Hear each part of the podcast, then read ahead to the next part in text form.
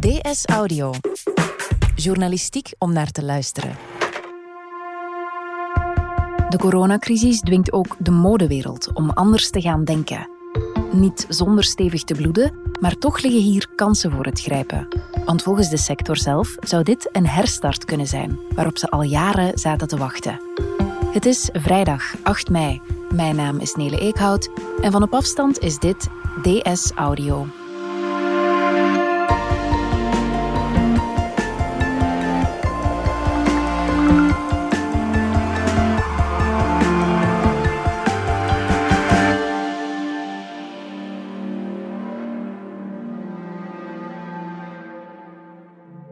Het is een, eh, een heel zware dobber voor heel veel mensen waar ik de voorbije weken mee gepraat heb. Modejournalist Veerle Windels zag hoe ook de mode-industrie niet gespaard bleef. Ja, de modewereld is natuurlijk een heel uh, grote business uh, met ontzettend veel spelers. Het hele systeem staat op losse schroeven, zoals dat dan heet. Ja, het eerste wat natuurlijk opvalt is dat de winkels dicht zijn. Als winkels dicht zijn en alleen online verkocht kan worden, dan ja, sta je voor een muur en kan je er moeilijk over. Die online verkoop die is er wel, maar die gaat van 10 tot 15 procent van de omzet. Dus dat is eigenlijk minimaal, zeg maar. Heel veel huurpanden moeten betaald worden. Uw payroll is er. Natuurlijk zijn heel veel mensen op economische werkloosheid of technische werkloosheid. En dat is allemaal goed en wel. Maar er zijn toch wel heel veel uh, onkosten die doorlopen. En je, ja, je hebt ook dat emotionele verhaal van die stok die daar in die winkel zit. Uh, dit stok die daar uh, ja, in je hangaar uh, staat ja, te staan en, en waar niks mee kan gebeuren. Dus het is zowel emotioneel als financieel een extreem moment. Ja, Veerla, als we het over die getroffen modewereld hebben, over welke mensen gaat het dan? Ja, de mensen met wie ik gepraat heb, zijn mensen die zelf boutiques hebben, zijn mensen die kleren maken, zijn ontwerpers, maar evengoed uh, middelgrote bedrijven die in het middensegment zitten en uh, ja, al jaren in het vak staan. Dat zijn beginnelingen en, en geroutineerde mensen, zeg maar. En uit, uit de diverse hoeken hoor je aan de ene kant uh, frustratie, kwaadheid, en, maar, maar evengoed ja, totale onbeholpenheid in die zin van, ja, hoe moet het verder? Zowel van de kant van de makers als van de verkopers, als van de tussenmensen, de agenten bijvoorbeeld, die verantwoordelijk zijn voor merken en die merken introduceren in landen als Benelux bijvoorbeeld. Ook die mensen hebben het heel moeilijk. Dus het zijn allemaal kleine tot grote spelers die een plek hebben in die wereld. De luxehuizen voelen de crisis uiteraard ook, hè, want die winkels zitten ook propvol en die willen ook die collectie uh, aan de man en de vrouw brengen. Maar Laat ons zeggen dat zij dat weten te overbruggen. Natuurlijk, in, in, in die mate dat dit niet veel langer duurt. Hè. Ze hebben ook geen glazen bol, maar uh, zij hebben wel die grotere oorlogskas aangelegd. En ja, dat is natuurlijk een voordeel tegenover zeg maar, een beginnend ontwerper.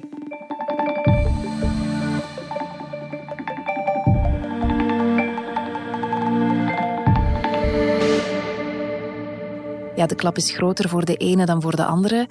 Maar alles valt stil en dat is, zeker in de modewereld, een heel uniek moment, hè? Ja, los van alle verschrikkelijke dingen die gebeuren en de doden en de, de het harde werk van zoveel mensen, um, kan dit een moment zijn om eens stil te staan en te kijken, oké, hoe zit die modewereld in elkaar? Kunnen we hier iets aan veranderen? We waren in snel tempo dingen aan het maken. We lieten die in nog sneller tempo los op de bevolking, zeg maar. Hè. Dus om de x aantal weken nieuwe collecties in winkels. Er waren veel te veel winkels. Er waren veel te veel producten. Journalisten reisden de wereld rond, grote internationale aankopers evenzeer, om collecties te gaan bekijken op heel dure shows, hè, die miljoenen kosten. Hè. Een show van Chanel kost 3, 4 miljoen euro. En dan duurt dat 20 minuten. En daarvoor word je ingevlogen naar Dubai of Tokio of Havana, noem maar op. En dat is allemaal leuk en plezant. Maar als je eens goed nadenkt uh, over wat je dan aan het doen bent, dan moet je misschien wel, wel denken van oké, dit kan eigenlijk niet. Je kan niet op hetzelfde moment in je mission statement hebben staan dat je voor duurzaamheid bent en met sustainability bezig bent. En aan de andere kant duizenden mensen vier keer per jaar uitnodigen ja, naar een eenzaam eiland waar je dan een show doet van 15 minuten. Dus dat is bijna niet houdbaar. Ja, en dat is niet enkel jij die dat zegt. Uh, het bijzondere is, blijkbaar vindt en vond de modewereld dat zelf ook. Maar het fantastische is dat, dat uh, niemand bij de pakken is blijven zitten. Ik ken geen ontwerper die gewoon gezegd heeft, of ja, ik ken er wel een. Uh, Mark Jacobs, die heeft gezegd van, ja, ik doe even niet meer mee. Ik krijg toch mijn stoffen niet binnen. En uh, ik, ik wil met mijn ontwerpers samenwerken. Ik wil in één ruimte zijn. Ik wil kunnen overleggen. Ik doe dit niet via Skype of Zoom of wat dan ook. maar de mensen die ik gebeld heb en, en, en met wie ik gepraat heb, die waren allemaal eigenlijk bijna positief in de zin van, jongens, dit is, dit is een, een key moment. Dit is een moment waarop we, um, ja, waarop we zelf moeten aan de slag gaan en nadenken. We waren misschien wel aan de grenzen van dat economische systeem, aan dat modesysteem gekomen. En ik denk dat er te veel van alles was, te veel stress ook, ja, gewoon te veel en te weinig transparantie, terwijl iedereen daar de mond van vol heeft. En dat kunnen we veranderen, daar kunnen we dingen mee doen. Oké, okay, Veerle, even concreet. Wat dan bijvoorbeeld? Wat kunnen ze doen? Je kan meteen zeggen, oké, we maken minder. We halen die productie naar beneden. Dat is uh, makkelijker gezegd dan gedaan natuurlijk, want ja, je produceert in x aantal landen, je produceert, dus je geeft eigenlijk een job aan x aantal mensen. Dat moet je dan wijzigen. Hè. Je zou kunnen zeggen, we produceren minder collecties. Dat is ook al iets. Hè. Dus geen acht collecties, maar opnieuw twee collecties. Bijvoorbeeld aan de Meulemeester, daar werd meteen gezegd, als we nu terug naar een lentecollectie en een wintercollectie zouden gaan, zou dat niet fantastisch zijn. Alleen maar twee collecties per jaar. Wat ook gezegd werd door hen, zouden we niet de lentecollectie in de lente in de winkels brengen en de wintercollectie in de winter in de winkels brengen. Allee, dat dit zou fantastisch zijn als dat opnieuw zou kunnen. Want nu, hou je vast, krijg je een lentecollectie binnen, hartje winter. En krijg je, als het nog geen zomer is, een wintercollectie binnen. Dus dat kan allemaal niet. Dat is eigenlijk een beetje van het goede te veel geworden. En heel veel mensen zien het wel zitten om daar iets aan te doen. Je kan lokaler gaan produceren bijvoorbeeld. Je kan misschien wel terug in Benelux of in Frankrijk of in Milaan. Of als je werkt in New York, in New York gaan produceren. Oké, de meeste mensen denken dan dat is niet meer mogelijk, hè, dat zal niet meer kunnen. Maar van de andere kant, uh, met veel goede wil, misschien wel. Hè, maar je gaat dan wel moeten werken aan prijszetting. En zo komen we misschien wel tot één besluit in deze. Dat is dat we met z'n allen moeten beseffen dat een kledingstuk, neem nu een jasje, geen 20 euro kan kosten. Dat dat veel meer moet kosten als dat op een nette, goede manier is geproduceerd. En dan komen we dus aan een waardeverhaal. Dat is ja, waar het eigenlijk allemaal zal ronddraaien. Wat willen we betalen voor dat jasje? Een, een jurk van 5 euro, waaraan gewerkt is, sorry, maar je krijgt de stof niet eens aan 5 euro. Dus waar zijn we in godsnaam al die jaren mee bezig geweest? Ik leg heel graag de link naar um, vliegen. Hè?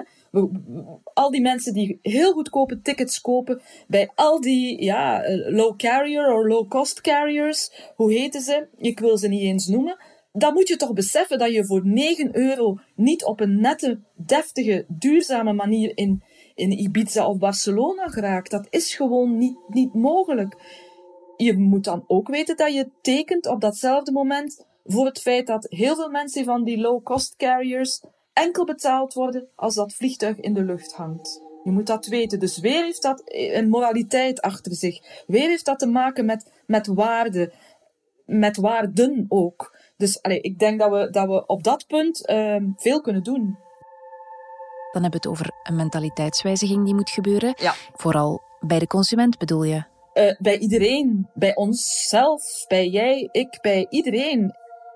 We, moeten eigenlijk allemaal samen beseffen dat ja, een product een waarde heeft, dat dat moet gemaakt worden, dat dat lang duurt voordat dat er is. We moeten ook tijd hebben weer. We moeten ook kunnen wachten op een product. We moeten ons bewust zijn van hoe dat gemaakt wordt tot hoe dat in die winkel komt, ja, dat dat een heel proces is. Dat daar ontzettend veel mensen aan te pas komen. Hè. In, de, in de mode is het zo, iemand uh, zei het me onlangs, dat er misschien wel 150 mensen aan te pas komen aan, dat, aan die ene trui, die wollen trui die je dan vindt in die winkel.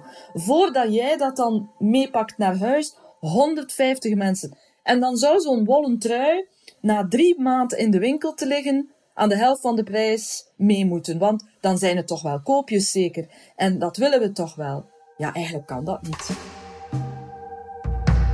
En is deze crisis dan doorslaggevend in die wijziging? Want dat probleem was er natuurlijk al veel langer.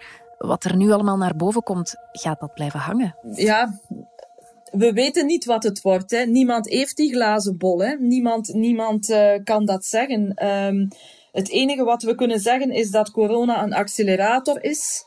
Uh, dat is uiteraard in, in, andere segmenten van de maatschappij net hetzelfde. Hè? Dat je ziet waar de pijnpunten liggen. Dat vooral die pijnpunten eerder dan de successen, uh, dat die naar boven komen. Maar um, in het geval van mode, het was al lang zo dat je je afvroeg van oké, bepaalde huizen houden die nog een stand? Hè? Doen die nog goede zaken? Nee, die cijfers van die en die en die, die waren al niet goed. Dus die mensen zullen eruit gaan. Hè? Dus op dat punt is het ook een accelerator. Het, het verhaal duurzaamheid, absoluut ook. Daar denken mensen ook over na. Wat ik ook een hele belangrijke vind, is dat corona ons nu ook heeft laten zien dat um, Oké, online is een onvoorstelbaar tool. We kunnen op korte tijd dingen uh, kopen en we hebben dat heel snel bij ons thuis. Maar we hebben nu toch ook wel beseft dat dat sociale contact tijdens het shoppen ook wel leuk is. En het brick-and-mortar verhaal, dus de fysieke winkel, waarvan heel veel mensen dachten, en vooral futurologen, van oh ja, die verdwijnt heel zeker. Ja, misschien gaat die toch niet verdwijnen. We beseffen nu hoe, hoezeer we het missen. Gewoon even een middagje door de stad gaan wandelen, winkel in, winkel uit, iets aanraken, iets bekijken, iets aantrekken. Dus de kans is zeer groot dat in de toekomst het een en-en verhaal wordt. Hè? Die winkel van de toekomst, fysiek dan, dat zal een, een soort medium worden. Een plek waar je, waar je dingen gaat bekijken, waar je graag komt, waar je binnen en buiten wandelt. Veel meer dan een plek waar je dingen gaat kopen. Corona zorgt ervoor dat we nadenken over heel veel dingen. Maar de cruciale factor blijft, willen we dit hè? met z'n allen? En gaan we hiervoor? Uh, doen, doen we dit? Zijn we klaar om, om aan die waarden te werken? Dat wordt die cruciale vraag. En is iedereen klaar? Want waar zitten in deze keten schakels die misschien niet willen? Um, het grote probleem zal zijn dat vrij veel grote spelers, en dan heb ik het over de fast fashion, waar heel veel mensen van leven, die ontzettend veel mensen werk geven, hè, je voelt me komen, die gaan niet zomaar hun businessmodel aanpassen. Want als je natuurlijk, uh, als ik tegen, tegen de CEO zeg, uh, oké, je bent onvoorstelbaar goed bezig met duurzaamheid en je doet ongelooflijke dingen. Uh, als ik zie, die mensen willen echt op korte termijn met recyclede producten gaan werken, die willen stoffen hergebruiken voor nieuwe collecties, die willen dat allemaal doen, die zetten miljoenen in om nieuwe materialen te vinden vanuit de natuur. Dus noem maar op. Als ik dan zeg tegen zo'n CEO, oké, allemaal goed en wel, maar ga je je businessmodel aanpassen? Ga je minder producten produceren? Ga je minder vaak rekken nieuwe collecties in die winkels binnensleuren? Dan zegt hij doodleuk, nee, we gaan dat businessmodel niet aanpassen. Want daarop is natuurlijk hun omzet gebaseerd, hun hele businessmodel, hun manier van zaken doen. Dus dat wordt zeker een belangrijke factor. Je moet ook het productieverhaal bekijken. We geven ontzettend veel werk aan lage loonlanden. En we hebben in eigen land en rondom ons evenzeer, laten we zeggen West-Europa, want in Oost-Europa zit er nog wel wat productie, maar West-Europa, daar hebben we ook geen know-how meer om te produceren. Dus je kan wel zeggen, laat ons dat hier eens doen, maar we hebben gedorie geen stiksters meer die kunnen stikken. We hebben geen naaisters meer. We hebben geen personeel meer dat dat kan opvangen. En als we dat al hadden, is ons, zijn onze lonen te duur. Dus je moet op ontzettend veel punten gaan schakelen. Het, het, het, is, een, het is een hele keten. Hè? Iedereen in die keten moet mee, want je bent zo sterk als je zwakste schakel. Als niet iedereen meegaat, dan lukt het niet. En natuurlijk, ja, de, de laatste is dan de consument. Dat is de laatste in de rij. Als die zegt, ja, ik, uh, ik wil geen jas kopen voor 120 euro minimum, ik zeg maar iets. Hè, ik wil die jas van 20 euro opnieuw, ja, dan houdt het op. Ja, of ik kan dat niet. Een jas van meer dan 20 euro kopen. Absoluut, absoluut. Dus ik, ik vind dat ook een onvoorstelbare waarheid. Dat uh, prijzen uh, in de mode zijn zeer duur geworden. Ik denk dat voor veel mensen de modewereld een beetje een ver van een bedshow was geworden. Net door die extreme luxe. En we moeten daar misschien ook eens over gaan nadenken. Een tas van 2000 euro, ja, wie, wie kan dat kopen, hè? De luxe mode is te duur, de fast fashion te goedkoop? Ja, in de jaren 70 had je CNA en je had merken. Ik stel het heel uh, extreem natuurlijk, zwart-wit. En door de komst van heel veel nieuwe spelers op dat, ja, zeg maar, dat, in dat goedkopere segment, is, is, is mode toegankelijk geworden voor een publiek met minder centen. Dat is absoluut waar. En dat is de verdienste geweest van die fast fashion. Maar we zijn dat nu zodanig aan het uithollen naar beneden. Hoe meer we die, die, die bedragen naar beneden halen, hoe, hoe moeilijker het, wij het maken om het op een goede, duurzame manier uh, vol te houden, heel dat systeem ja, ik besef heel goed hoor. En ik kan me ook geen uh, duizenden euro's per seizoen permitteren uh, in mijn kleerkast. Ik ben ook een, uh, een fan van oude spullen in mijn kast, geloof me. Um, ik denk ook dat we moeten goed weten dat we kunnen investeren in een mooie stuk. En dat we niet iedere week moeten flauwekul kopen en dat dan weggooien en zo. We moeten dingen koesteren, we moeten stukken koesteren. En dan hebben we het weer over waarde natuurlijk. Hè. Maar ik snap heel goed, het is een, een dubbel verhaal.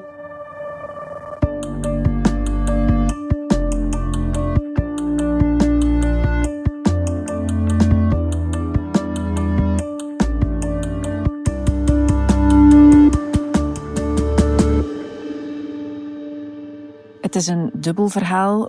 Hoe groot is de kans dat we na deze crisis terug in hetzelfde schuitje belanden? Ja, de kans dat we binnenkort net hetzelfde gaan doen is ontzettend groot natuurlijk. Dat is een waarheid als een koe. Uh, we vervallen ook heel snel in oude gewoonten. Hè. Ik vraag me af, net als jij, of het kan dat we ook over die mode gaan anders denken, zoals we over mobiliteit anders aan het denken zijn, milieu anders aan het denken zijn. Het zou business as usual kunnen zijn. Ik hoop van niet. Ik denk toch vanuit de modesector. Ja, er was al een uh, conference geweest in Parijs waar heel veel mensen hadden getekend van oké, we moeten toch nadenken over dat milieu. We verbruiken te veel water, we verbruiken te veel elektriciteit, we zijn te veel aan het vliegen, we maken te veel kleren. Laat ons daar iets aan doen. Als er nu een paar leiders zouden opstaan, ja, dan wil ik eigenlijk echt wel met de beste wil geloven dat we die tanker die die modesector toch is kunnen keren. Wie zou zo'n leider kunnen zijn? Ik denk dat we uh, leiders nodig hebben uit heel diverse sferen. Ja, als ik, als ik mag een lijstje maken, dan heb je er honderd uh, binnen de vijf minuten hoor. Maar ik denk heel veel spelers, maar niet alleen de establishment. Je hebt ook denkers nodig. Je hebt mensen nodig die tegendraad zijn. Eh, in België zijn er ook wel mensen die, die, die het voortouw zouden kunnen nemen in dit alles. Hè. En, en ook daar denk ik dat het belangrijk is dat we evengoed uh, de, de topmensen van Delvaux, een luxehuis, kunnen doen spreken. Als Oncia van, van Essentiel, een, een, een van een commercieel label ja, en waarom, waarom ook niet uh, toonaangevende journalisten? Een, een, uh, een Anna Wintour bijvoorbeeld van die American Vogue. Ik zou dat heel tof vinden als dat gebeurt. En eigenlijk kan het niet anders. Eigenlijk zou dat nu moeten gebeuren. Misschien ben ik naïef, ik ben zeer naïef, dat zal dan wel zo zijn, maar ik denk dat we, dat we ze allemaal nodig hebben. En heel veel futurologen, als ik daar nu naar luister, ik denk aan een Liedewij Edelkoort, ik denk aan Riek Vera uit eigen land, die zeggen nu, kom aan jongens, nu is het om doen. Denk nu eens zeer goed na. We hebben maar één wereld, we hebben maar één toekomst. Kan, kan dit een mooier symbool zijn, die corona? Die corona doet dus wat wij eigenlijk al wisten dat we al even moesten doen. Dus, dus laten we dit moment toch pakken. Laten we nu echt iets in gang steken. En we moeten het gewoon samen doen. Ja. Oké, okay, helder. Veerle Windels, dankjewel. Graag gedaan. Dit was DS Audio. Wil je reageren? Dat kan via dsaudio.standaard.be.